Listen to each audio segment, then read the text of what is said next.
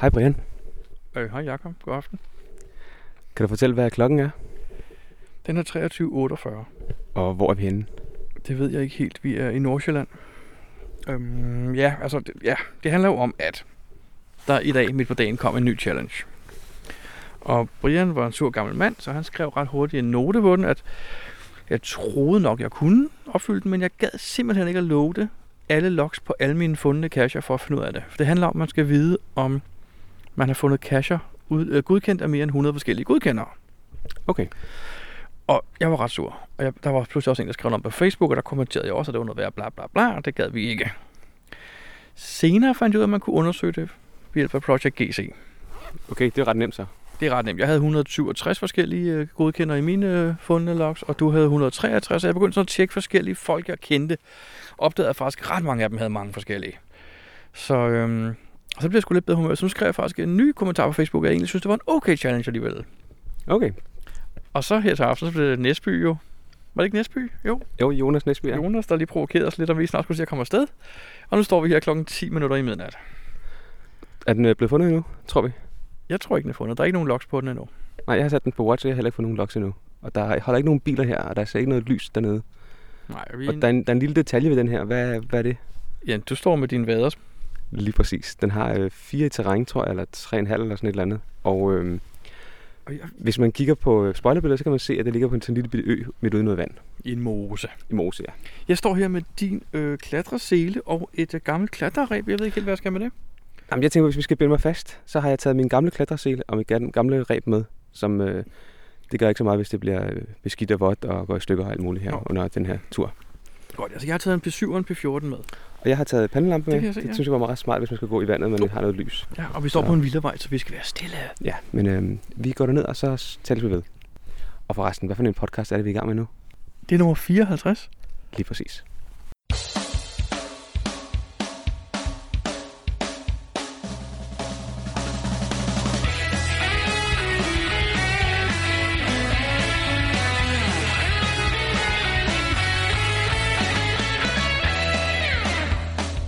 Du lytter til GeoPodcast, din kilde for alt om geocaching på dansk. Husk at besøge vores hjemmeside, www.geopodcast.dk for links og andet godt. Husk at du kan kontakte os via Skype, e-mail og Facebook. Vi vil elske at få feedback fra dig.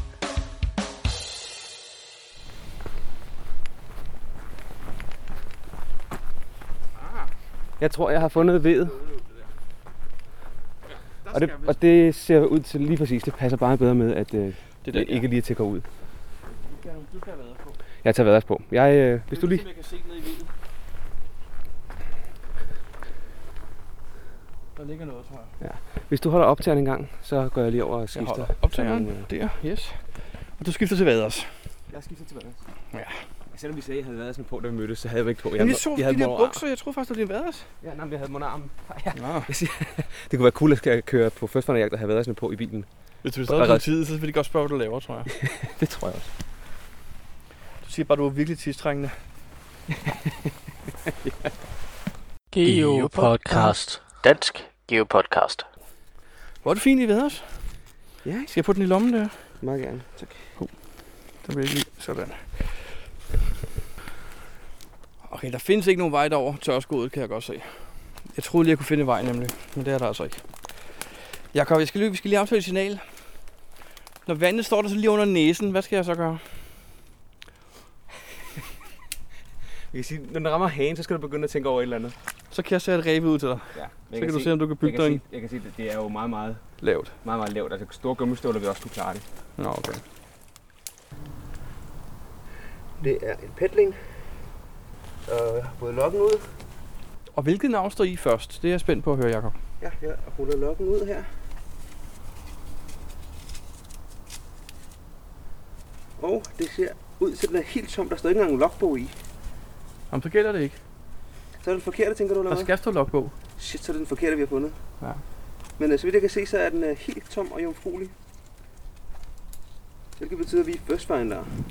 Hvad er, kl- hvad er, dag, hvad, hvad, er- hvad er datoen i dag? Men jeg tror, vi lige har rundet midnat. Lad mig lige tjekke min telefon her et øjeblik.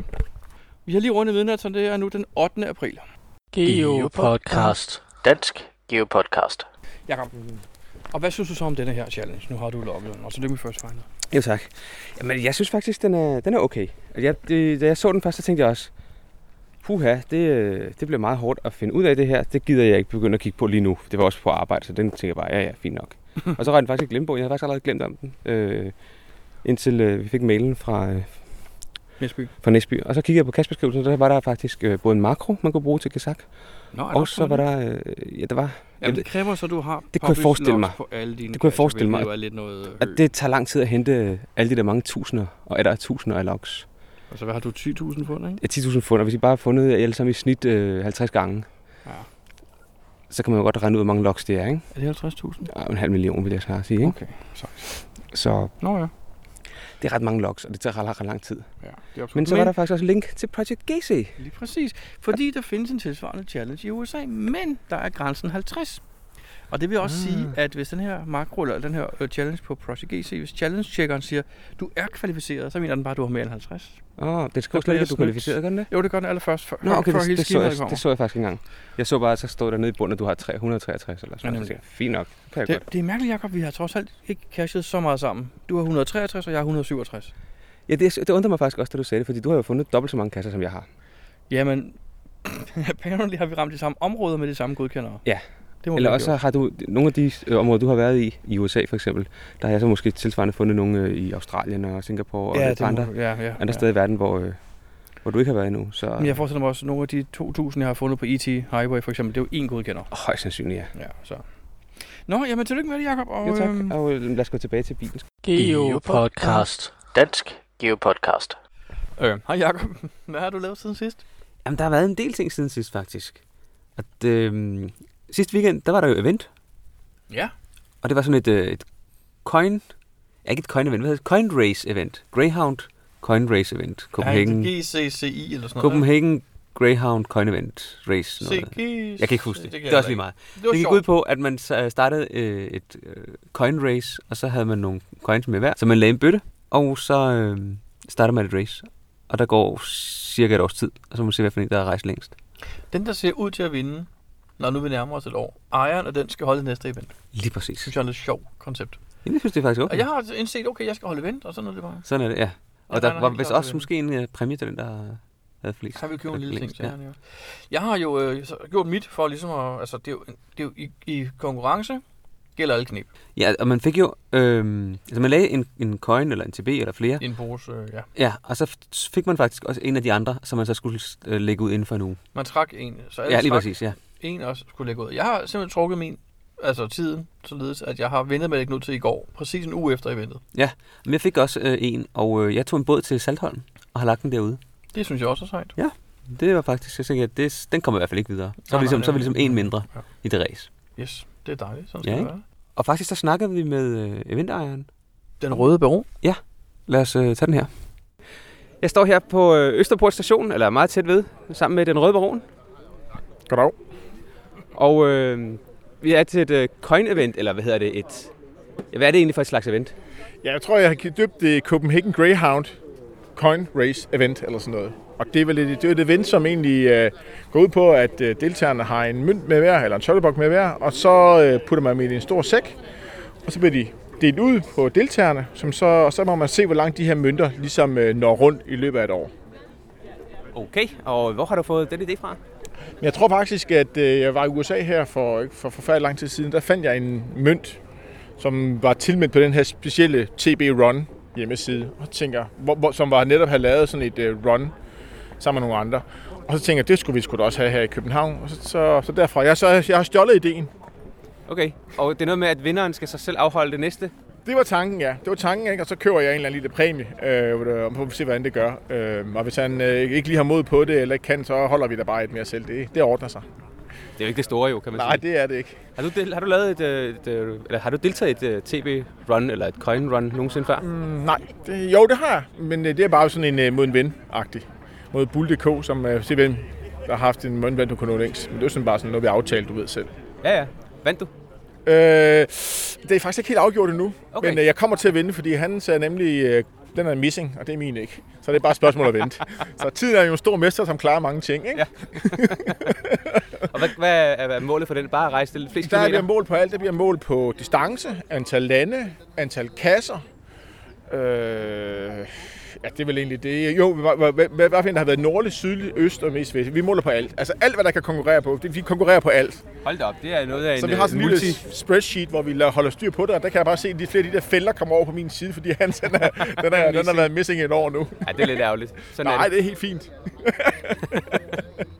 Hvor mange regner du med, der faktisk øh, stadig eksisterer her om et år? Ja, det er jo et godt spørgsmål. Jeg så faktisk nogen, der har tracket på det, ikke? Og, øh, og jeg tror, statistikken siger, at en tredjedel går tabt.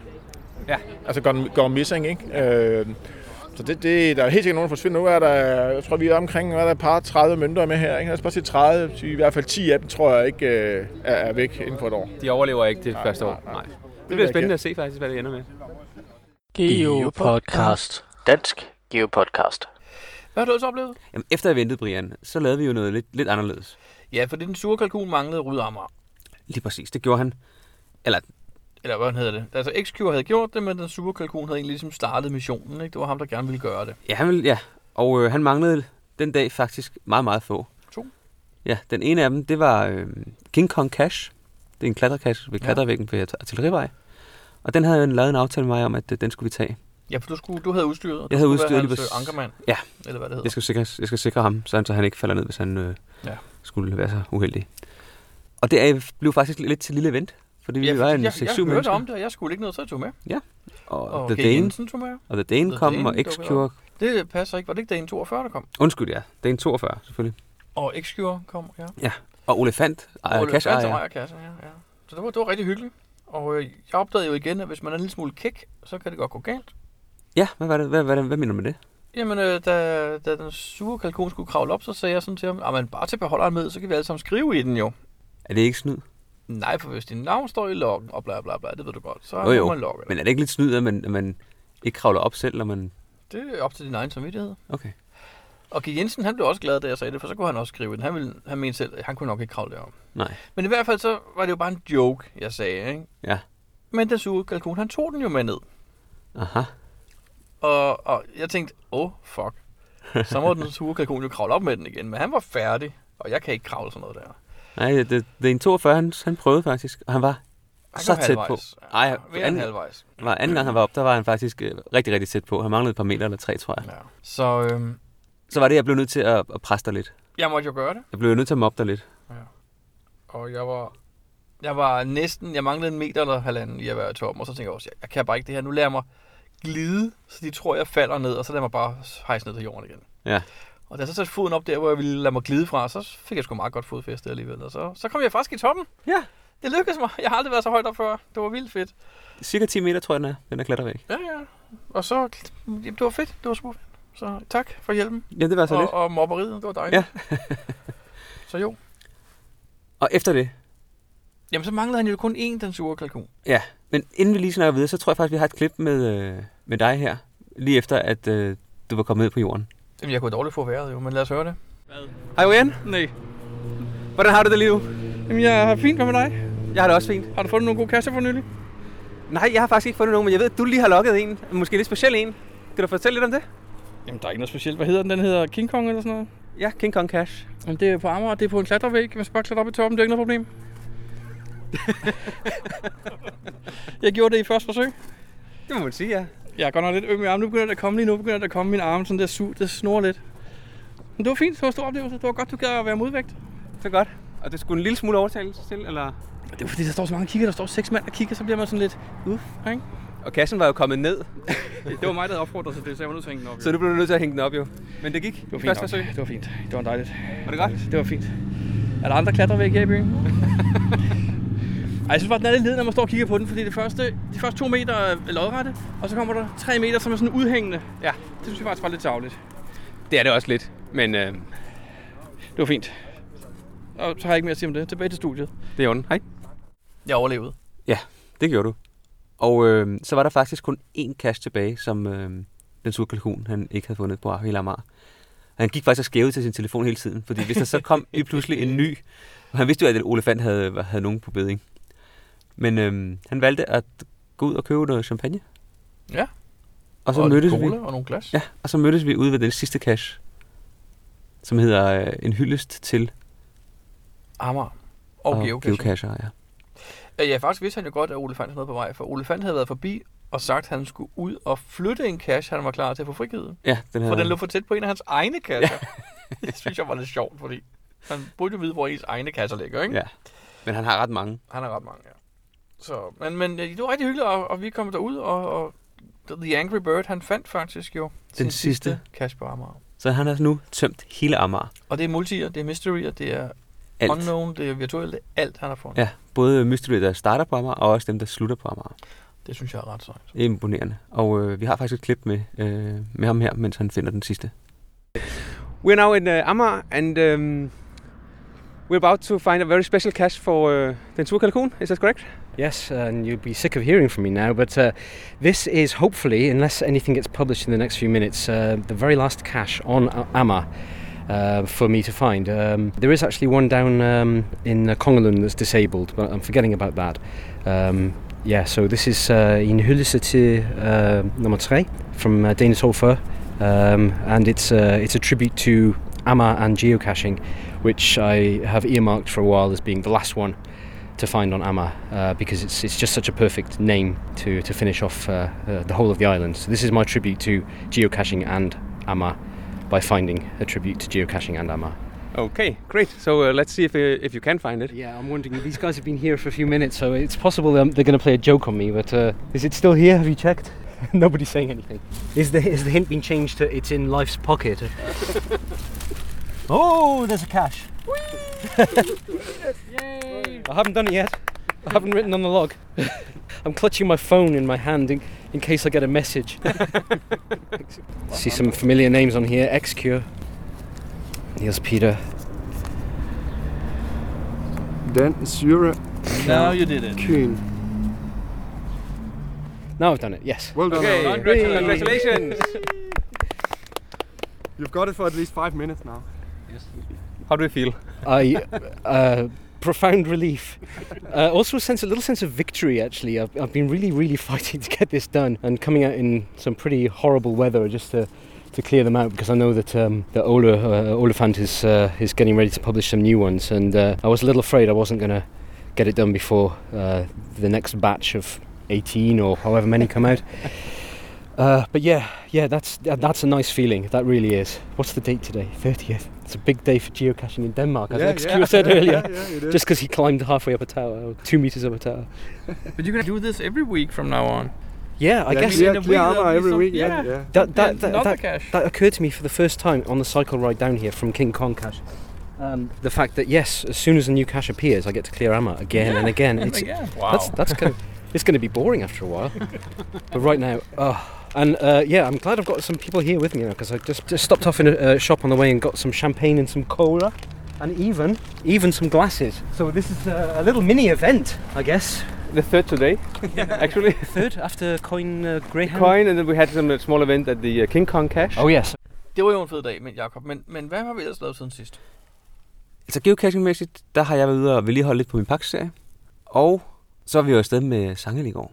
Torben Sangel, som mange af vores lyttere kender, fordi det, han er ham med alle de rigtig gode spørgsmål. Lige præcis. Vi havde sat hinanden stævne og sagde, jamen lad os gå ud og finde nogle kasser. Og vi tog til, Allerøde, øh, ja, blåstrøde deroppe omkring. og vi fandt øh, nogle forskellige kasser. Og Ja, vi- ja, så var vi lige ude og få noget aftensmad i Hillerød, og så sluttede vi af med en natcash op ved øh, Nødebo. Jeg kan ikke helt huske, hvad den hedder. Det er noget med Mørkes Fyrste, Den hedder helt præcis Mørkets Herre vender tilbage, streg Netcash. og det er Steiger, der har lagt den. Det er det, og den er fantastisk. Den er virkelig god. Der er nogle steps, og alle stepsene er fede. Man skal bare tage dem i rigtig rækkefølge. Det er rigtigt. Ellers så kommer man ikke i mål. Lad os nu nemlig. ikke sige mere om det, men vi, vi lavede måske en lille fejl. Men vi blev så nødt til at rette op på den, fordi vi kunne ikke... Jo, det vi er kunne, nej, mand. man skal have dem alle sammen, ellers kommer man ikke videre. Så den, øh, det, var en, øh, det var en virkelig god natcash. Jeg var inde og kigge på den i formiddags, Jacob. Den har 98% favoritpoint. Det er en rimelig høj score. Det er ret godt. Det er det godt nok. Så den, øh, det, var, det var faktisk Sangel, der havde fundet den. Altså, fået frem til, at vi skulle finde den. Ja, ja lige præcis, han havde fundet den frem til det og sagt, den her kunne man godt tænke sig, og det, det lyder som en god idé. Og øhm, det var virkelig godt. Den, øh, den kan hermed anbefales på det kraftigste. Den er super, super. Og vi fandt også på andre kasser. Vi kiggede jo efter kasser med favoritpoint. Ja. Vi fandt et par små sjove nogle, vi godt kan nævne sådan lidt måske. Ikke? Øh, upside Down Multi. Ja, det var den første, vi gik efter. Den driller lidt med navnet, for det er den hedder noget med multi, så er det ikke en multi. Nej, nej, det er det ikke. Det er en traditionel. Ja. Og øhm, man finder nemt beholderen, men spørgsmålet er, om man kan komme ind til logbogen. Ja, den var, den var faktisk rigtig sjov lavet. Og, vi, og der skete noget sjovt, Jacob, fordi da vi havde stået der i nogle få minutter, Så, Så- så pludselig så åbnede beholderen sig. du åbnede den. Ja, Og jeg vi ved ikke, andre, vi sagde, hvordan gjorde du det? Og så skyndte du dig at lukke den igen, for at prøve at åbne den igen for at vise det. og det kunne vi ikke. Nej, overhovedet ikke. Nej. Så vi kunne faktisk ikke få den op igen. Ret fantastisk godt klaret. så vi må, og den er så heldigvis, nu skal vi ikke afsløre for meget, men der er en hjælpefunktion, kan vi godt kalde det. Ja, og det blev vi nødt til at bruge. ikke? ja det gjorde vi faktisk. Meget, meget mærkeligt. Ja, jeg, jeg, jeg ved stadigvæk ikke, hvordan jeg gjorde første gang, men øhm, det lykkedes mig åbenbart at åbne den, Det var ret godt. uden at vide det. Uden at vide, hvordan. Ja. Men det var også en god cash, jo. Absolut. Der, var, der røg nogle, nogle øh, favoritpoint i går på den tur, der gjorde der. Jeg har brugt mange. Ja, ja. Det er godt. Andet, vi skal nævne siden sidst. Ja, faktisk så var jeg ude i øh, slutningen af sidste uge og finde nogle, øh, nogle specielle kasser op i Helsingør. Ja. Nogle Shiraz. Var du alene? Ej, jeg var afsted sammen med Brandorf og Timo Hito. Og vi fandt øh, en, der hedder Mind Teaser. Okay, den kender jeg ikke. Nej, det er sådan en multi. Øh, med derfor. forskellige steps. Mm. Og efterfølgende øh, fandt vi Living Dead, eller hvad den hedder. Hvad hedder de?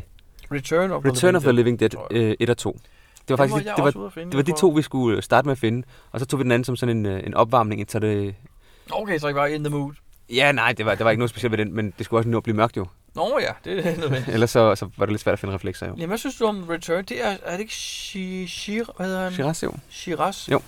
Jamen, ikke, nej, Kira, det er ikke på samme måde som vinen Shiraz, vel? Nej. Krias, tror jeg, han hedder. Krias. Eller Nå, anyways, ikke lige huske hvad det, men det er synes du om sådan- dem? Jeg synes, de var rigtig fede. Jeg har været fundet begge to også. Ja. Øhm, hvad fanden var bedst? De var, de var begge to lige fede, synes jeg, på hver sin måde. Okay. Det er altså Lost Place Cash, man kommer ind i nogle, øh, nogle steder, hvor... Øh, ja, nogle steder, hvor der ikke bor mennesker mere, eller ikke er mennesker mere. Nu afslører du ikke for meget, vel? Det tror jeg ikke, det, øh, Det ved man godt. det tror jeg. Giver du begge to favoritpoint? Det gør jeg. Det gør jeg. Hvor mange favoritpoint har du tilbage? Uh, jeg ved det faktisk ikke. Er du i knibe? Altså er det sådan, Nej, at du nej, nej, må sidde og tænke over det hver gang? Nej, overhovedet ikke. Overhovedet Nå. ikke. Så jeg har stadig ru- med rund hånd, kan jeg dele ud af.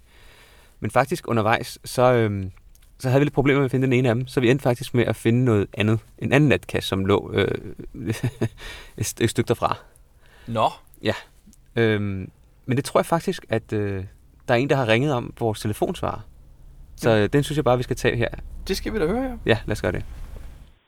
Ja, hej, det er Simon fra Team Morito. Jeg er ude og natkasse sammen med Jakob og Claus, også kaldet Pigt og Brandorf. Og øh, vi ved ikke rigtigt, vi har lige fundet en kasse, men vi ved ikke, om vi skal logge den, fordi det var ikke den, vi ledte efter.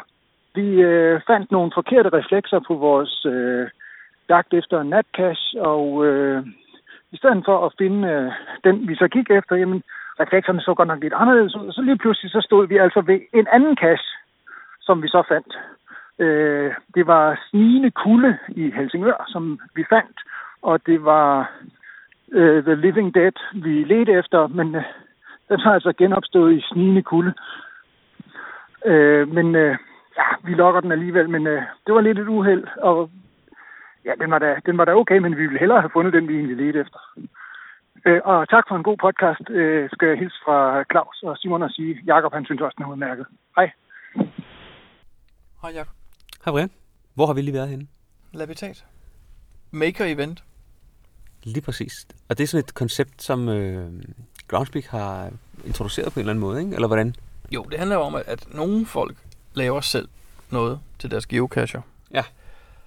Og, og det vil de gerne hylde lidt. Altså, hvis du, hvis du kan sidde og snitte i en træklods, ligesom Emil gjorde engang, og så få noget godt ud af det, der kan bruges til en geocache, så vil de godt hylde dig øh, og sige, lær det fra dig, så andre kan lære det. Og det er jo lidt det, vi har gjort i dag, bortset fra, at du ikke snittede træklodser eller lærte andre noget. Ah nej, Men René gjorde det. René LM, han, øh, han åbnede dørene nede i Labitat, som er sådan en øh, nørdeklub. Og der havde vi, vi så en 3D-printer, og vi så øh, en hel masse ting, han havde gået og fundet på. elektroniske dimsedutter og ting og sager, ja. Det var ret spændende, og vi fik en souvenir. Ja. Jeg har en mere end dig. Tillykke med det. Jeg kan godt høre på din stemme, du er vildt misundelig. Det er meget misundeligt. Du, er, du græder selv i søvn om Ja. natten. Jeg synes, det var ret fedt faktisk. Og jeg synes, øh, nu har jeg, jeg taget lige og kigget på nogle af de andre af de der mega-events, der er rundt omkring i, i, i verden. Og jeg synes, mange af dem, det var sådan noget, øh, hey, der kommer en ny souvenir, så vi mødes, og så øh, snakker vi lige i to minutter om at lave øh, geocaches, og så, øh, så klatrer vi, eller så laver vi noget andet, øh, spiser noget mad, og så, så har vi fået event eller souveniren. Totalt tyndt. Ja, det synes jeg lidt. Der synes jeg, jeg var glad for, at det her, det var faktisk, et, øh, det, var faktisk det, der var temaet, og det var det, vi snakkede om. Det var timet hele vejen igennem. Vi var der i to timer næsten. Ja, det var over tre. Altså. Er det rigtig gud, jeg kunne klokken allerede kvart i fem. Ja. Hvor vildt. Gud, vi var der klokken et jo. Mm, Tre og en halv time. ja, Siden går hurtigt i godt selskab. lige præcis. Vi øh, snakkede med et par stykker dernede. Ja. Øh, mens vi havde optageren tændt. Ja. Jeg ved i hvert fald, at Næsby snakker vi med. Ja. Og det kommer lige her. Må jeg lige spørge dig om noget? Det må du selvfølgelig. Hvad du hedder? Jeg hedder Næsby. Hvad synes du om dagens event? Jeg synes, det har været godt, spændende at se, øh, hvad René LM har at byde på. Og kan forstå, at øh, mange af hans øh, tanker har, har, har han arbejdet på i rimelig mange år, efter hvad jeg hører. Øh, har fundet to af hans. Den Illutron og øh, den, der ligger tæt på event, ventet her. Mm. Har du fået inspiration til noget nyt, du selv skal lave? Jeg har en idé, som øh, næsten blev printet i dag, men... Øh, jeg ved, hvad det er. det er der flere, der ved efter, efter i dag. Men, men jeg har haft en enkelt idé, som jeg har tænkt på rigtig lang tid, men selve beholderen har jeg haft svært ved at få gjort noget ved. Og det kan René hjælpe med? Det virker det til. Egentlig havde jeg tænkt øh, 3D-printer, men øh, han mener, at vi kan klare det på en anden måde, så øh, det bliver næste skridt.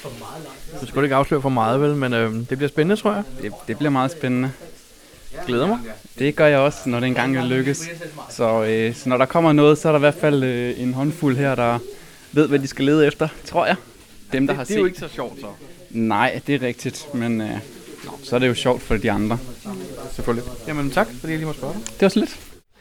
Hej, hvad hedder du? Ja, jeg hedder René Lem. Nå, men du har lavet det vind i dag. Ja. Og hvad var det? Det var øh, Mega Madness. Hvordan gik det? Jamen, det, det synes jeg går meget fint. Du kan også prøve at spørge nogle af deltagerne, dem der er tilbage. Jamen, nu spørger vi lige dig. Så, jamen, spørger vi mig, jamen, så synes jeg, det går meget godt. Hvad har vi øh, lært? Jamen, at vi har lært lidt om 3D-print, og vi har lært lidt om elektronik og GPS, Arduinoer og E. kage. E Kage er rigtig godt. Men øh, synes du, det har været det, det skulle være? Jamen, ja, det synes jeg. Folk har Altså, været jeg kan godt øh, lave lidt mere praktisk her bagefter, men der er, jo- der er nogen, der måske bliver heroppe og måske begynder at lave nogle ting med en sav. Der er i hvert fald nogen, der er blevet aktiveret ved at samle nogle små øh, bip, bip, bip. Har du fået nye medlemmer hernede i dit hackerspace? Måske. Det kan jeg jo ikke vide. Er det noget, du holder igen en anden gang? Det kunne jeg, det kunne jeg godt finde på det. Øh, både øh, enten hernede, eller måske et sted, hvor der er plads til lidt flere mennesker. Øh, det, øh, det, det vil tiden vise. Hvis interessen er for det, og det ikke kun er for ikonens skyld. Jamen øh, tak. Tak, Anuba. Geopodcast. Dansk Geopodcast. Men Jacob, det er jo ikke kun dig og mig og Sangil, der har været på tur. Øh, på vores telefonsvar ligger der noget fra Alpha Family. Okay, det var dem, der vandt den der ekstra coin, ikke? Ja, vand og vand, de bestak sig til den, ikke? Åh, oh, det er rigtigt, ja. Og lad os høre, hvad de har at sige. Hej, Dansk Geopodcast. Her er det Helle fra Alpha Family. Jeg er i Grenå med øh, vores søn, som skal til noget optagelsessamtale på en skole herover. Og mens han klarer det, så er jeg gået ud i plantagen bag ved skolen og har kastet mig ud i en øh, ny serie af mysteries, der lige er blevet frigivet herover, som alle sammen har en fælles overskrift, der hedder Kristendommens tegn. Nogle af de mysteries, der er herude, er samarbejdsøvelser, og da jeg er alene, så har jeg sprunget dem over men har nu fundet øh, tre øh, af de andre, og de har alle sammen været utrolig kreativt lavet, og jeg kan varmt anbefale, at man tager en tur ud til, øh, til den her serie, som altså hedder Kristendommens Tegn, og kaster sig ud i dem. De er ikke uoverskueligt svære, øh, og de er faktisk også meget sjove. Så øh, tag en tur til Grenå, det betaler sig. Hej hej. Jakob, det var Alpha Family. Har vi andet på vores telefonsvar? Nej, jeg tror, det var alt for denne gang. Okay. Geopodcast. Dansk Geopodcast. Hun får det sammen. Jamen, øh, vi står herude ved øh, en kasse, som hedder noget med Upside Down. Og øh, den er mærkelig. Den skal, vi, øh, den skal vi kigge på. Selve den fysiske cache er, er sådan set desværre. Desværre ikke at finde den. Desværre det er jo at åbne den. Fordi der er en eller anden hemmelig mekanisme, eller noget, vi skal finde ud af. Jeg tror, jeg Så- har fundet løsningen faktisk. Okay, men, så øh, må du... Du skal bare have en stjerneskruetrækker med, kan du se. Så fjerner du dit. ja, Brian vil gerne snyde. Nå, nå det, det, står der ikke nogen steder. Okay. Mm. Altså, der er jo de der hint med... Der er godt nok ikke mange muligheder. Nej, det er der nemlig ikke. Og der er det der hint med hoved og ben, jeg ved ikke. ja, det hjælper ikke at holde Jakob i benene. Nej, det der med... Ja, Ah, vi kan prøve. Hvorfor upside down? Men ja, det, det kan da godt være, at man skal Det skal hvad? holde den upside down, eller noget. Og, og så gør hvad? Ja, netop. Der Fordi- sidder, der sidder noget skærbræt og, på. og, Nej, det der rundt, det giver ingen Mm-hmm. mening. giver... Ej, det må have noget at gøre med det. Eller Det også er er det bare... mindre, det er røg. Det er røg. Eller også er det røg. Ja, det, Fysisk det, røg. Det kunne også godt være røg, nemlig. Den har mange favoritpoint. Kan der... Ja, der... Kan der... Oh, hvad gjorde du? Hvad gjorde du? Hvad gjorde du? Ej, han snød. Den drejer Okay. okay. på et eller andet inde i, som sørger for, at den til at... Hvordan så du det? Jakob fik den åbnet, og nu er den lukket igen. Gå bestemt vej, jo, ikke? Mm. Og så bare så Nu, du øh, sted. Skal jeg lave lidt, lidt pres på den her med, at Skal du du drejer? først stå direkte nedad, apropos opsat der? Og... Jeg kommer ind, ikke? Det kan ikke være der. Du gjorde det rigtigt, Jakob. Gør det lige igen. Nu lukkede den for lige at se, hvad det var, Altså, og så, så kan vi ikke mere. Det er kun den her del heroppe, ikke? Der skulle flytte sig. Den der Nej, flytter sig det er ikke. hele den her. Ja, hele den, de her to, ikke den der. Nej. Og det ved jeg faktisk ikke, om Men det var det, det der. Altså, den blev stået stille, for det der gjorde, at du stille. kunne. Det der mellemrum skulle være sådan der. Ah. Jamen, Jakob, du har haft den åben. Hvad vil du sige til dit forsvar? Jamen, så længe du kan bevidne det, så... Så er det navn i loftet. så, så, så, er det fint nok. Mm. Ej, den var der. Den var der lige præcis der, var den der. Så gjorde du. Det var mere, det var mere sådan den. 嗯 Sådan, sådan der. Nej, det gjorde du også, 啊 ja. Du havde den ikke på hovedet. Nej, det, men- nej, det, men- nej, nej, nej, jeg er ikke på hovedet. Ja, det var der. Og så... Det kan være, den kun, det kun er hver 30. gang, man gør det. At... Geo Podcast. Dansk Geo Podcast. Nå, Torben og Jakob. Øh, vi fandt Upside Down Multi. Den var god. Hvad synes Den du? var, den var rigtig fin. Jeg har også givet den favoritpoint. Ja, det gør jeg også. Det gør jeg også, når jeg kommer hjem og lukker. Vi kan ikke afsløre Og- for meget, vel? Nej, vi kan af... jeg synes godt, vi kan fortælle, at øh, Jakob faktisk var i gang med at åbne den, og så sagde jeg, hov, hvordan gjorde du det? Og så lukkede den igen, og så kunne vi ikke få den Så op kunne vi igen. bare ikke få den op igen. Øh, det var som om, den var gået i baglås, eller som om vi ikke kunne gentage det, som øh, Jakob havde gjort, og vi prøvede alle tre. Ja. Så vi måtte faktisk øh, ty til Til nødhjælp. nød- nødhjælpen, som, øh, som øh, er beskrevet Der faktisk. Ja. Mulighed for en ekstra, et ekstra hint. Super opgave, super udført cash. Ja. Jeg har stadig ikke- jeg har Altså, og, stadig ikke, Og man øh, kan ikke se, det synes jeg også er snedigt, man kan ikke se, når man åbner den, hvordan den er lavet. Nej, det vil jeg også og gerne. jeg har stadig ikke gennemskuet det. Og det er så heller ikke helt. Men den har en fed, fed øh, finale, kan vi godt sige. En fed, øh, ja, surprise, ikke? Jo, ja. absolut. Så den kan vi klart anbefale. Upside down multi. Jakob, vi skal have ugens sangildsnak. Ja, og denne gang handler det om øh, smartphone versus GPS. Altså, hvad er bedst? At bruge sin smartphone, når man geocacher, eller en rigtig GPS? Og inden vi hører fra Sangild, så har vi faktisk spurgt et par tilfældige mennesker, vi mødte ude på gaden, hvad de bruger og hvad de synes om forskellen. G. Jensen, øh, bruger du smartphone eller GPS mest, når du geocacher? Altså, jeg plejer at sige sådan en smartphone med hensyn til øh, nøjagtighed og geocaching. Øh, det vil sige på engelsk, I'll trust this thing as far as I can throw it. Øh, derfor bruger jeg ikke den, medmindre det er højst nødvendigt. Altså, den ultimative GPS, det er GPS Mark 60 CSX, som jeg har her om halsen. Du har simpelthen den, den gode gamle 60 Den CSX. gode gamle med det ultimative CIRF 3 chipset. Det er Øh, mest nøjagtige instrument, der findes til det her. Medmindre vi er over i det helt dyre, ubetalelige professionelle grad. Men den har jo visse begrænsninger. Den mangler jo alt, hvad der hedder beskrivelser og de seneste logs og sådan noget lignende der. Så hvis det går helt galt, så bliver jeg jo nødt til at tage smartphonen frem for at se online, hvad er hintet for eksempel. Jeg har godt nok også hintet den her, hvis man meget gerne vil. Men hvad er hintet og de seneste logs og beskrivelsen, hvis det endelig skal være. Så det er en, en kombination. Hvis så du bruger din smartphone, hvad bruger du så på den? Bruger du en app eller... Jeg bruger egentlig i virkeligheden mest Segeo-appen, øh, fordi den øh, har viser øh, lettest øh, egentlig lige at starte op og slå GC-nummeret op, som man selvfølgelig har fra sin øh, 60 CSX. -er, jo. Jamen, øh, så tror jeg ikke, jeg skal spørge mere. Okay, tak. Jeg står her sammen med... Ja, hvad er det egentlig, du hedder? Jeg hedder John fra teamekur.dk. Du hed noget andet før, ikke John? Jo, det er korrekt. Vi hed Yokohama i gamle dage. Super. Det, jeg skal spørge dig om, det er noget med øh, din GPS, eller, eller bruger du smartphone? Hvad bruger du, når du geocacher? Jamen, Jeg bruger GPS, når jeg geocacher. Du bruger aldrig din smartphone? Min smart- Min smartphone bruger jeg ret jævnligt, fordi hvis man er ude nogle steder, hvor jeg ikke har GPS'en med, og der er lidt tid i overskud, og der kan, jeg- så tjekker jeg, om der ligger noget i nærheden, og så kan jeg godt tage ud og finde noget med den også. Hvad synes du om præcisionen på din smartphone i forhold til GPS? Altså, jeg synes, øh, jeg synes faktisk, at det, til hverdag med op- oplever jeg ikke den store forskel. Jeg oplever den samme præcision på dem. Men jeg har ved, at øh, hvis man har prøvet med dem begge to samtidig, så, så kan GPS'en godt have en tendens til at være en lille smule øh, mere præcis. Bortset fra inde i byer med høje huse, så er telefonen faktisk bedre. Super, tak skal du have. Velkommen. Vi er hos uh, Torben Sangel igen. Ja, i det ydre rum. Mm-hmm. Og uh, du har et emne mere. Ja, og det er jo sådan en af de store emner. Det er det store mysterie for mig i virkeligheden.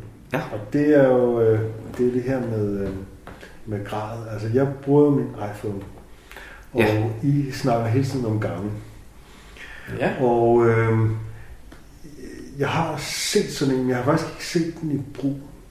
Og det er sådan lidt et mysterium for mig, hvad det er, der, der får folk til at give. Altså, når man allerede har en iPhone, har man så overhovedet nogen grund til at øh, købe en dyr øh, GPS? Øh, altså, så vidt jeg kan forstå, så er der to eller tre fordele ved dem. Eller det er dem, jeg har forstået, men der er måske nogle flere, som jeg ikke kender.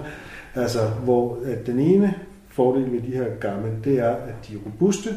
En anden er, at de har længere batterilevetid. Og en tredje er, at de måske, det er den jeg er lidt i tvivl om, er mere præcise end den indbyggede GPS i en iPhone. Og så er det, jeg tænker, at det, er de tre ting nok til, at man skulle give tusindvis af kroner for sådan et apparat der? Altså, det billige af Garmin, dem kan du få for lidt over 1000. Okay. Der tror jeg faktisk, du kan få de der billige e-tricks, som er super præcise og robuste og, og så videre. Du glemmer at sige en ting, de er også vandsættet nemlig. Vandsæt, det er rigtigt nok. Ja, Det er altså robust og væsentlig vandsæt. forskel. Ja, det kan Der er jeg godt fordel over forstå. en iPhone og- eller en Android. Ja, det kan jeg godt se. Altså, jeg ved ikke, hvordan det ville være, hvis jeg skulle starte i dag. Fordi i dag har jeg en smartphone, og så ville man kunne starte med en smartphone. I gamle dage, hvor, øh, hvor jeg startede i 2006, der var der ikke noget andet end en Nokia 3310, og den kunne ikke noget med GPS. Og da der begyndte at komme nogen, der havde noget GPS, så var det slet ikke noget, man kunne bruge til geocaching, for der fandtes ikke nogen apps eller noget som helst til det der. Øh. Så der den eneste mulighed, man havde, det var faktisk en GPS. Dengang skulle man have en GPS. Og jeg startede i 2005. Og, og men s- du, du kunne ikke gøre det uden en GPS. Du havde en natur-GPS, eller sådan en, som vi har Oregon-serie, dengang hed den GPS Map 60 CSX. Mhm. Mm-hmm. Eller også havde du en bil-GPS, som du så kunne have med ud. Men det var så igen kun Mhm. 2-3 timer, så var den flad. Mm. Ja, og den var ikke særlig... Øh, Så, så på vi den er måde, så var nærmest det ikke vokset rigtig- op med de der håndholdte GPS'er. Og derfor kan vi ikke rigtig undvære dem, tror jeg. Men jeg tror faktisk, bortset fra batterilevetiden, vandtætheden og robustheden, så får du det samme i en smartphone i dag. Så der er ikke nogen særlig grund til for mig, medmindre at jeg skal ud på altså, hvad man siger, en teltur i regnvejr eller sådan noget, øh, eller og, og være langt væk fra strøm i, i flere dage eller sådan noget. Altså, så, så kan jeg sagtens se pointen i at have sådan en, men at det, er jo, det er jo mange penge. Det er mange penge. Øh, Der er jeg også- har ikke så der er mange også- penge, så det, altså, øh, Der er en anden ting også, fordi ja. hvis jeg tager til Sverige i morgen, mm, så har jeg ikke nogen data på min smartphone, eller det har jeg, men så skal jeg betale for hver eneste megabyte, jeg suger. mm. GPS'en følger jeg op hjemmefra, både med kort og med casher. Og det kan man også på en iPhone. Nej, så altså, det ved jeg ikke engang. Okay. Men der kan, man, altså der kan man simpelthen gå ind, og så kan du gemme... øh, Det er popcorn, du kan simpelthen gemme øh, alle oplysninger om alle kasser i et helt område. Nå, okay, jeg synes, så det du vidste kan, jeg du kan tage et kortudsnit, og så kan du sige gem alle kasser. Og det, der, skal du være, der skal man være på wifi, når man gør det. Mm. Fordi det, det, tager, det, tager, noget- det, det er det tager klart. noget tid og kræver noget datakraft. Ja, ja, ja.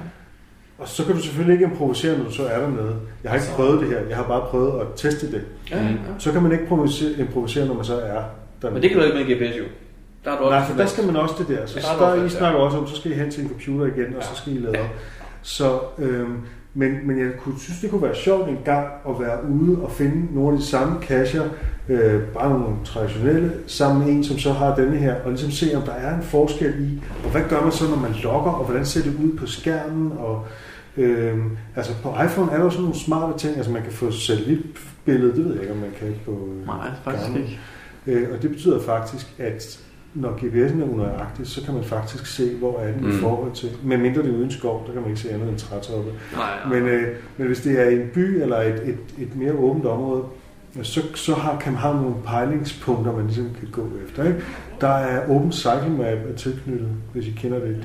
det Jo, O- OCM jo, og OSM Open Street Map også. Ja. ja, ja. Og det der Open Cycle Map, da jeg opdagede det, det var, en, det var nemlig, da jeg cyklede ude i Vestskoven, som jeg snakkede om i en tidligere udsendelse.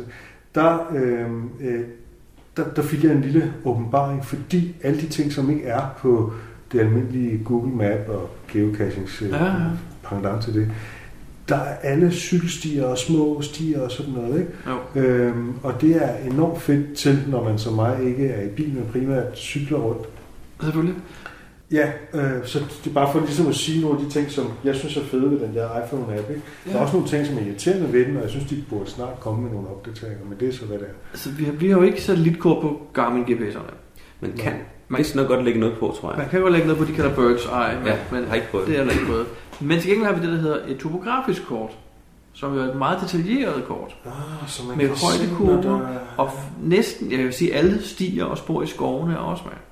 Og inde i byerne er alle bygningerne med som små sorte firkanter, så du kan se, hvilket hjørne af et hus, du skal stå på. Okay, Nå, så der har vi vil jeg så fordel sige, der. Ja. Hvem laver det kort? Øh, det topografiske, det er gamle, der udgiver det faktisk. De laver deres egne kort. Men de har fået det fra laver ikke data kun hardware, fra... De laver også... Ja, ja, det laver Men det det er faktisk fascinerende. street map begynder, begynder også at blive bedre og bedre efterhånden som øh, kort- og matrikelstyrelsen, som den hed i gamle dage. Mm. Mm. Deres De er jo øh, kort er jo frigivet. frigivet. Al data. Så meget af det er ved at blive inkorporeret i det der open street map, så det begynder at blive mere og mere præcise og mere og mere øh, detaljeret også. Men, men til det du sagde lige før, det kunne være sjovt at tage på tur en dag og sammenligne dem. Der har faktisk været et event inde ved, øh, var det... Ørstedsparken, tror jeg. Var det, ikke- jeg tror, det var der på højskolen. Det er også lige meget Ja, her i København. Ja. På Frederiksberg, en der hed Jens, en geocacher, der var med siden starten stort set. Han havde lavet et event, hvor at han havde sat to stole ud. En under nogle træer, og en i det fri. Og så havde han bedt alle folk om at gå ind og se, hvad koordinat de fik. Og registrere ned, og gå ind til den anden, og registrere ned, både med GPS'er og med smartphones, og i alle varianter med og uden det, der hedder GLONASS, dengang hed det noget andet. Hvad er det, den første hed, øh, før GLONASS? Der er det der VAS. Ja, WAAS. Og han lavede så en, en ak- akademisk rapport bagefter, simpelthen. En virkelig, virkelig flot rapport over det hele, og den viste, at GPS'erne var bedre. En, en GPS'erne er bedre end smartphones, ja. Men det, kan sige, var det, er jo, dengang. det er Det jo jamen, er det er nogle nogle år år siden, og der er jo selvfølgelig sket noget på, på det ene og på det andet, så, så man kan nok ikke sammenligne det mere, tror jeg. Ikke om, om- jeg ved ikke, om det har Man laver- flyttet sig. man laver et nyt event. Det burde du Ja. ja. ja. og jeg ved, at Jens han hører vores podcast, så det synes jeg, du skal gøre, Jens. Det synes jeg, jeg stiller gerne op. Ja, det kunne jeg også gerne. Jeg var der desværre ikke den dag. Jeg, kunne Men jeg var der heller ikke. Jeg har kun læst rapporten. Men det er en meget vild linker lige til den på vores hjemmeside. Men for, for, for mig, der vil jeg sige, jeg ved, hvor, hvor skrøbelig en øh, smartphone er. Det er det, der er problemet. Der skal næsten ingenting til. Og jeg går tit ud i, i skoven, eller øh, render rundt og kan også godt lide at klatre lidt op i træer, eller sådan nogle ting. Og der ved jeg, at hvis jeg skulle have min smartphone i hånden hele tiden, og se, hvor jeg skulle gå hen, så ville jeg, øh, så ville jeg blive rigtig, rigtig træt af, at øh, jeg skal have den i hånden. Der er ikke, der er ikke mulighed for at hænge den i, i, øh, hvad hedder det, hænge den i bælte, som jeg plejer, eller øh, jeg skal passe ikke så meget på den hele tiden. Fordi jeg det ved er ikke, måske også hvor meget noget, det, hurtigt jeg den gerne svinger. vil se i praksis. Ja. Altså, se hvordan I håndterer den. Altså også bare netop, nu siger du, at den hængende i bæltet. Jeg har den normalt hængende i, i bæltet, og så til Jeg har jo min iPhone her i min forlomme med mine cowboybukser, ikke? Det er jo sådan noget, man kan som mand.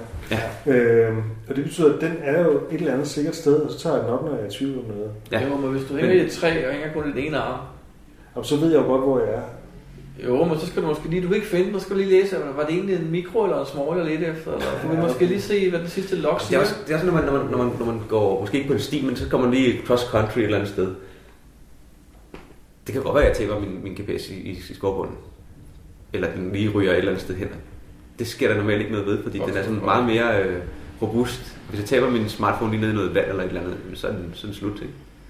Og det kan en GPS Det kan jeg godt godt se. tåle. Ja, det kan jeg Og sagtens se. Det er det der med robust og vant til. Ja, Og og, sådan, ja. og da jeg er vant til at have en GPS, der er robust, Mm. Så, så, så behandler du tror den jeg- også som sådan. Ja, ja det gør jeg, jeg i jeg, jeg, hvert jeg, jeg, jeg brimbehandler lidt mere øh, voldsomt, end jeg gør måske. Hvad er det, kan du finde på lige at kaste den hen? Når man Nej, det gør jeg aldrig. Men, men jeg har altid med, der, der får du en karabin her med, med en øh, sådan plastikmontering, du har. Man kan sætte Så sin det bælte. der med bæltet er faktisk... øh, Det er rigtig fyldt, ja. Og jeg har så lært, at jeg kan tage den ud af den her bolster rundt og kigge, og jeg kan også bare sætte den i igen. Jeg kan bare tage karabin her i ved jeg hver gang, men jeg sætter bare min ned i holderen. Så du har den siden, ligesom hvis du har et stykke værktøj, lige kan sætte den frem, og lige kan sætte den ned igen. Meget nemt, og, men det gør så også, at den, den er jo lidt tykkere end telefon, den er faktisk en, Mm. den er vel her omkring Ja, ja, den er- 50 den cm. er- Så hvis du går op ad en mur, så kan du godt lige skrave den imod. når du går ind ad en smal døråbning, så kan den godt lige skrave imod. Mm. Og der tager jeg ikke så meget indsyn, for det, det skal den kunne holde til, mener jeg. Og Det kan man så også se på dem, jeg har brugt. Men de jeg bliver godt holdt selv- til det, de bliver bare skræmmet, skræmmet. De bliver skræmmet på kanten. Øh, gla- Skærmen er jo sænket ned en 3-4 mm i forhold til kanten, så det vil sige, du Mm. skræmmer sjældent skærmen. Men kanten rundt om skærmen kan godt få lidt mærker. Det er de små slag, som livet giver til en GPS. Men jeg vil sige, jeg har, altså, efter at smartphonen er blevet øh, noget, jeg har med altid, så bruger jeg den da også. Hvis jeg står et sted, jeg kan finde, og lige skal finde ud af, okay, hvad er den nyeste log, Jamen, så tager jeg min smartphone frem. Mm. Men det er sjældent, at jeg går efter en cache. Så skulle jeg, hvis jeg har glemt min, min, min, min GPS, eller er et sted, hvor jeg egentlig ikke regnede med, at jeg skulle geocache, så har jeg lidt tid. Så kan jeg godt finde på at bruge den, fordi man kan. Men hvis jeg planlægger en tur, så er det altid med, med GPS'en. Og så har det, jeg ved ikke om man kan, men min iPhone overfører cacher fra Gesak for eksempel. Ej, det Vi er jo store tilhængere af Gesak. Og jeg har, øh, jeg har jo set det der gesak, og jeg har kigget på geoen, hvad gesak betyder. Og jeg kan bare sådan trække på skuldrene og sige, jeg aner ikke, hvad det er, jeg forstår ikke, hvad det kan, og jeg ved ikke, hvad jeg skulle bruge det til. Jamen, jeg tror også, hvis jeg så rigtigt, så tror jeg ikke, du skal tænke så meget mere på det, for du har en øh, Mac-computer, ikke? Nej. Nå, nå, så tror jeg forkert. Jeg har, jeg har en Mac, øh, øh, Det var stativ, sandt, som jeg jeg så. sætter det på, fordi Nå, okay. det, det var smart. lidt. Okay. Men jeg har faktisk en PC. Nå, så kan du godt køre Gesak. Kort sagt er Gesak et databaseprogram, Ja. hvor du hælder alle mulige kasser ind, Mm.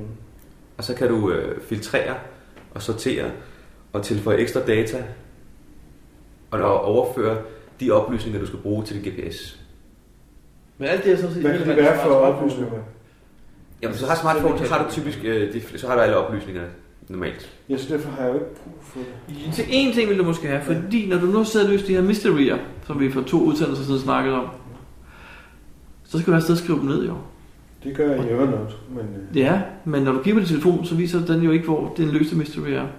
Hvis man gør det ikke sagt, der er sådan en funktion til at optaste de ind de corrected koordinater, som vi kalder dem. Ja, og når det så bliver lagt over på GPS'en, så, ligger, så viser den ikonet det rigtige sted, og med et lille symbol, så er den løst. Ja, det gør, det gør en iPhone altså også. Det er det, der hedder yderligere waypoints. så du kan simpelthen manuelt indtaste lige så mange, øh, så sætter den sådan en flag, et gult flag, Mm. mm. præcis på det sted. Mm. Og du kan kalde den, hvad du vil. Det vil sige, du kan kalde den, øh, så du kan også lave en, der hedder øh, det, det sted, hvorfra produktionen er taget, eller okay. et eller andet. Mm. Øh, og så destination og sådan noget. Så Det jeg bruger det som ekstra, det er, at jeg øh, udvælger ofte nogle kasser, jeg gerne vil finde Mm. mm. en dag. Mm. Mm. Og så hiver jeg dem over med GPS og markerer dem ekstra. Så på kortet kan jeg se, at de har et ekstra, et ekstra symbol, så jeg kan se, at det er dem, jeg vil gå efter. Jeg har også mulighed for at sige, at jeg gider ikke finde øh, kasser med egentlig sværhedsgrad. Eller jeg gider ikke finde øh, de powertrail-kasserne for eksempel. Dem vil jeg slet ikke have med med GPS. Mhm. Mm. Dem kan jeg filtrere fra i Kazak, og så kun overføre det, jeg faktisk har lyst til at have med over i GPS'en. Jeg kan filtrere alle de øh, mysterier fra, som jeg ikke har løst. Fordi de ligger jo og fylder, og så når man kigger på, hvad, hvad er det nærmest, så ligger der en masse øh, spørgsmålstegn, og så tænker jeg, kan vide, om jeg har løst dem eller ej. Ved at have Kazak, der kan jeg få dem over, som jeg har løst. Og alle de andre, som jeg ikke har løst, de er slet ikke med i GPS'en, de ligger der forstyrrer og øh, i ledet. Og så kan jeg tilføje en masse ekstra tekst, som jeg kan se direkte på, på kastbeskrivelsen. Men det har også nogle ulemper, fordi GPS'en kan ikke vise billeder. Mm. Du ser ikke kastbeskrivelsen som sådan, du ser bare teksten, ikke? når man ser konteksten, ja. hvad så med spoilerbilleder og sådan noget? Det, der er jo lidt- Der er, en, der er en funktion, jeg har aldrig brugt den med, hvor man kan få nogle billeder med over i, uh, i GPS'en, men jeg har aldrig brugt det, må jeg indrømme. Men altså det, det sidste, du nævner her, der er, der er jo altså det, der hedder en, en øh, udvidet eller avanceret søgning i iPhone-appen, hvor ja. du kan søge på samtlige parametre. Så du kan søge på øh, mysterier med sværhedsgrad 2,5, som du ikke har løst før inden for en radius af 5 km. Kan du, også søge på, kan du også søge på, om du har løst den eller ej? Ja, ja. og det kan du altid se, fordi de er jo, øh, de er jo glade. Altså, du- der er jo smileys på, når du løser dem. Ej, hvis du Ej, det har har fundet fundet dem. dem. Det er først, når du har fundet dem. Nå, nå, løst. Nu forstår jeg, når du siger løst. Nå, nej, nej. Okay, det, det kan jeg løst ikke. Nej, Så det der kan synes jeg er en meget stor fordel. Det er selvfølgelig Fordi rigtigt. i København er der jo et hav af mysterier. Ja. Og der er mange, mange, mange af dem, jeg ikke har løst. Men der er også mange, der Og har dem- løst. Og der er det at jeg gider ikke have dem med i min GPS, som jeg ikke har løst, fordi det skal jeg ikke bruge til noget som helst. Det man kan gøre i en iPhone, som svarer til det der, ja. det er, at man kan lave, øh, man kan gemme, man kan la- lave, man har øh, ue- et uendeligt antal, tror jeg. I hvert fald, man har mange, så mange der nu kan være data på iPhone, lister, man kan lave, som er på kort, altså hvor du gemmer, øh, og der kan du gemme i et område de mysterier, du har løst, mm-hmm. øh, og så kan den mysterier, jeg har løst på Nørrebro, Øhm, og så går du bare ind i den liste, og så får du præcis dem på kortet. Okay. Er det bookmarklister? Det er garanteret bookmarklister, kan jeg forestille mig. Må ikke bare Jeg kan godt tjekke, hvad det hedder. Det er jo ikke for det. Men øh, nu er vi også langt nede i funktionerne. Øhm, Men jeg faktisk tror, det bliver en god idé at lave det event igen. Det skal Jens da næsten... Øh... Mit bud er, at jeg tror, de er lidt mere, mere eller mindre lige præcis i dag. Det tror jeg nemlig også, det er blevet. Det tror jeg. Og så er det måske sådan, de har det ryg, at de ikke er særlig gode. For dengang, dengang blev det jo fastslået, at, at GPS'erne var bedre end smartphones. Ikke, ikke voldsomt meget bedre, vil jeg sige. Nej, men det var vist en 10-20-15 procent. Men det der var, dengang var det specielt under et, et de dårligt... hedder gemte lister. Øh, Gemte lister. Så det er sådan bare en liste, man laver på den telefon. Og der kan man også, tror jeg, overføre en pocket query direkte til. Øh, Ja, det er jo smart.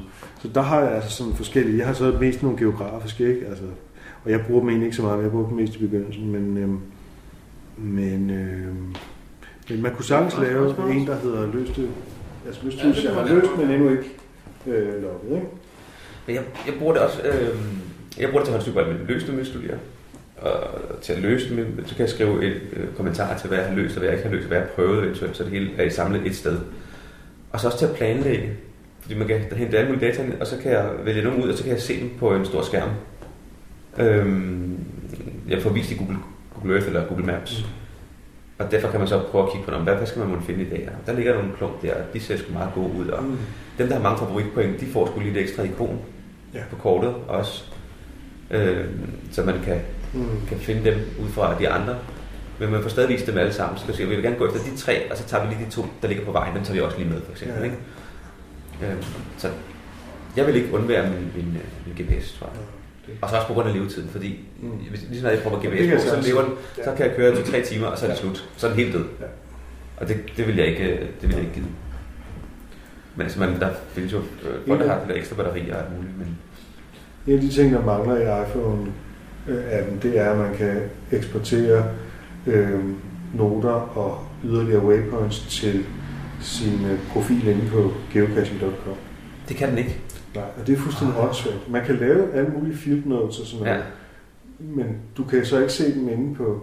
Så, så øh, jeg er simpelthen bare, nu kører jeg simpelthen bare øh, alle sådan noget øh, noter til mig selv og øh, idéer til mysteries og det ene og det andet. Det skriver jeg bare i Evernote, som jeg har organiseret ja. i alle mulige.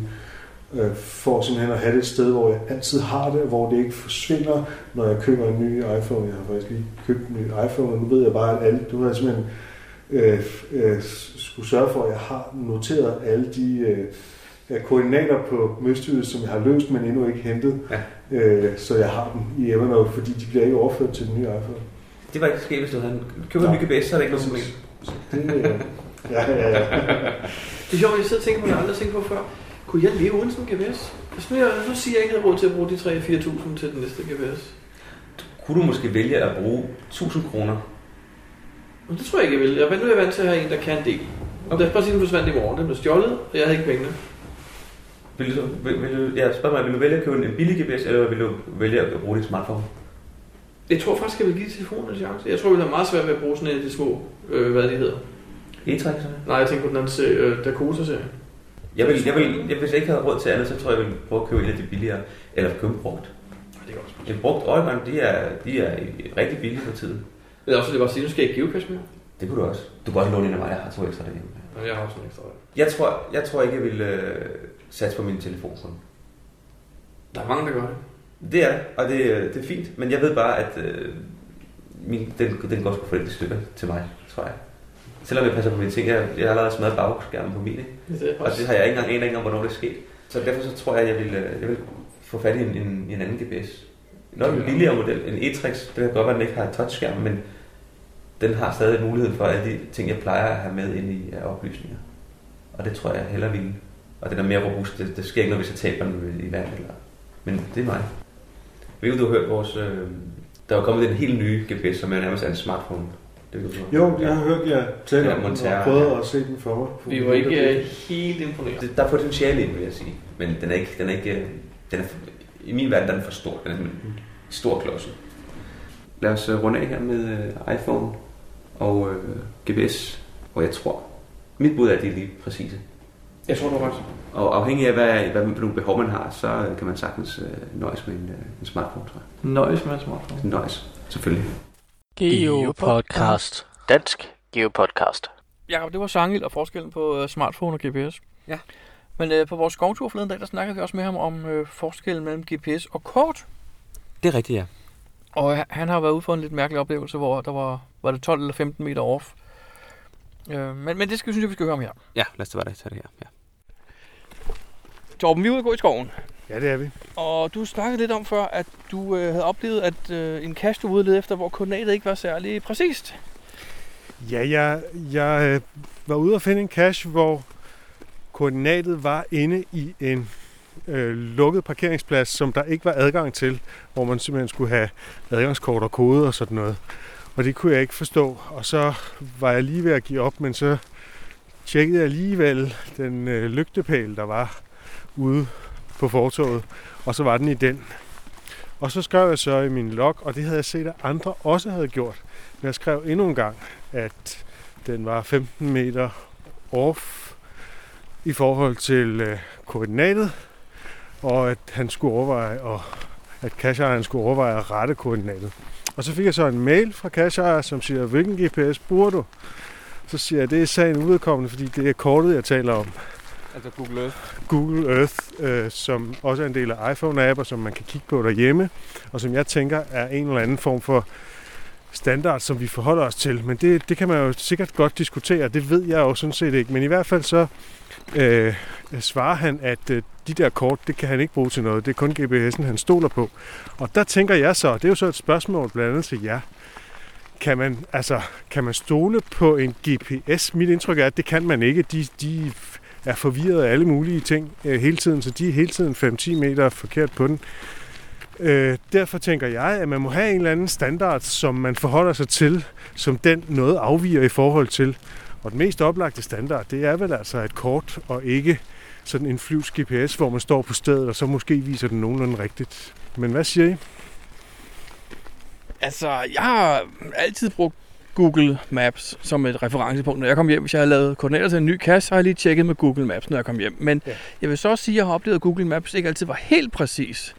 Og i og med, at det er en gratis tjeneste, kan man nok heller ikke hænge dem op på noget særligt jo. Altså, at, ja, man, jeg tror ikke, man skal forvente, at den er 100% rigtig. Men hvis flere oplever, at... Øh, hvad, hvad, hvad er så standarden? Hvornår kan man forholde sig til? Altså, fordi vi taler om jo, at de her koordinater, de er jo meget præcise, næsten nede på meteren. Så hvad, hvad betyder det, at den ligger et bestemt sted i forhold til hvilken standard?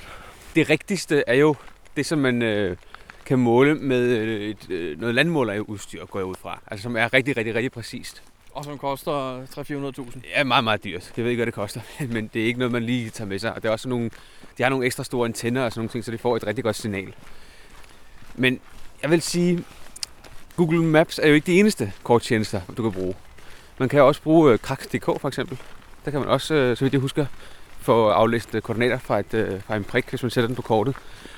Og der vil jeg måske øh, bruge den og Google Maps, og så se, hvis de to er enige, så vil jeg være mere tilbøjelig til at sige, "Jamen, så er den, så er den god nok.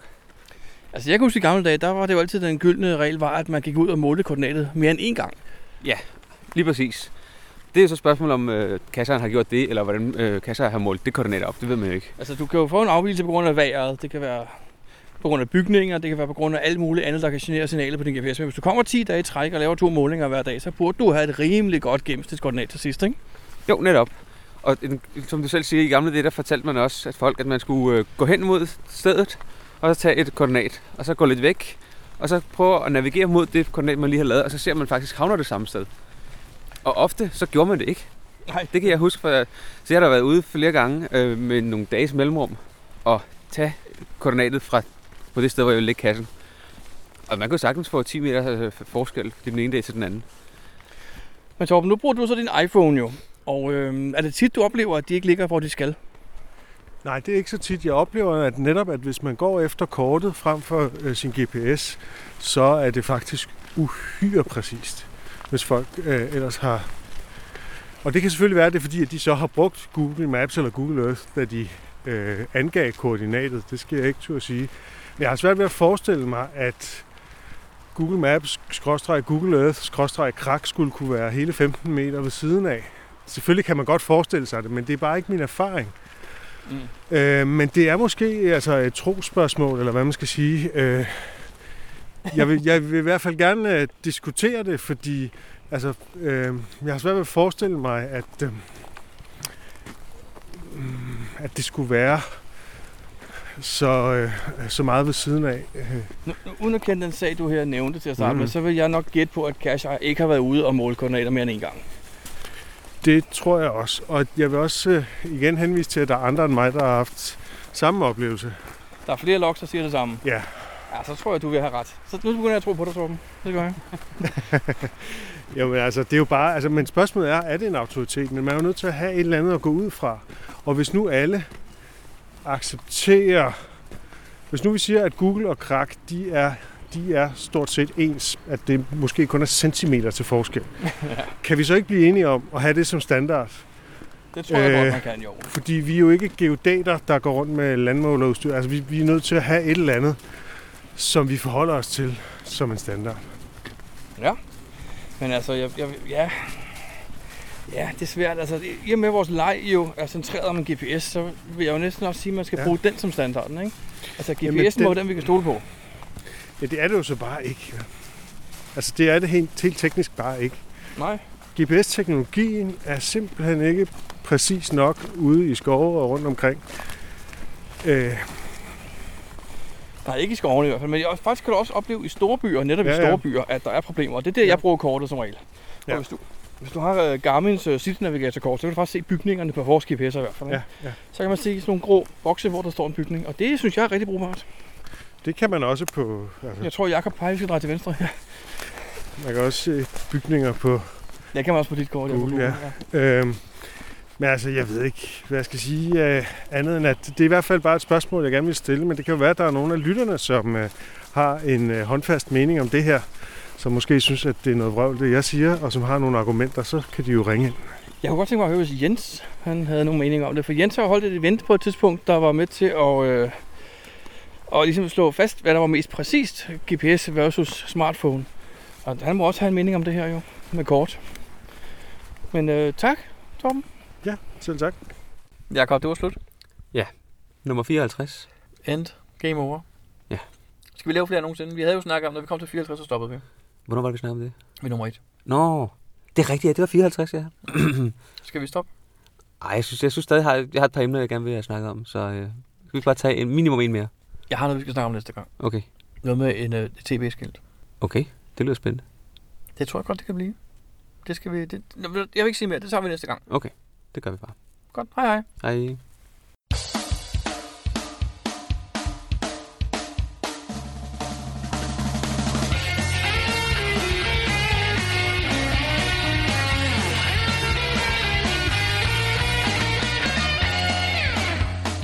Du lytter til GeoPodcast, din kilde for alt om geocaching på dansk. Husk at besøge vores hjemmeside, www.geopodcast.dk for links og andet godt. Husk at du kan kontakte os via Skype, e-mail og Facebook. Vi vil elske at få feedback fra dig.